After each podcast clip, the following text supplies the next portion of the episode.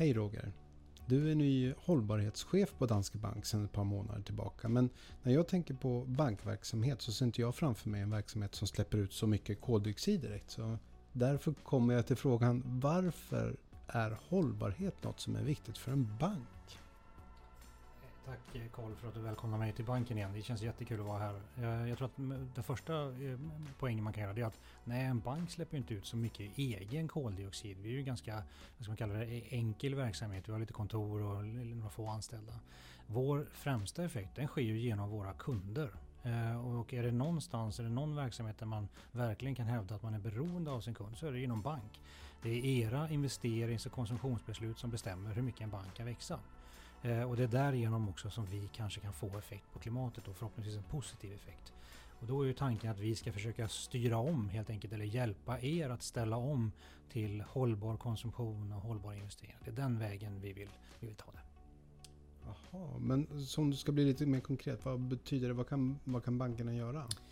Ja, det bankerna eh, gör och, och, har gjort ett tag det är ju att de faktiskt tittar på vad är det för klimatavtryck av olika typer av investeringar. Vad är det för verksamheter som vi, som vi finansierar? Eh, och det finns ju flera goda exempel på vad vi finansierar. Ett spännande projekt är det så kallade Northvolt-företaget eh, eh, där man då eh, bygger batterier i Sverige och också utvecklar ny eh, batterikapacitet och teknik. Eh, och där har Danske Bank varit en av de mest ledande investerarna. Men du, om jag som privatperson gärna vill bidra till ett bättre samhälle. Hur ska jag veta vilket företag eller, vilket fond, eller vilken fond som jag ska välja?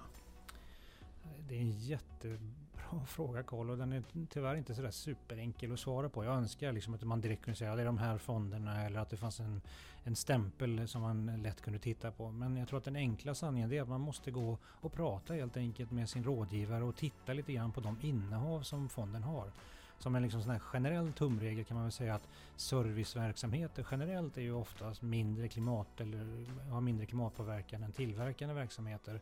Men, men liksom det är inte hela sanningen. Så prata med de som kan brukar jag säga och framförallt ställ krav på, på din bank. Jättebra. Tack så mycket för dina kloka tips och råd. Vi hörs. Det gör vi. Tack, tack. Hej.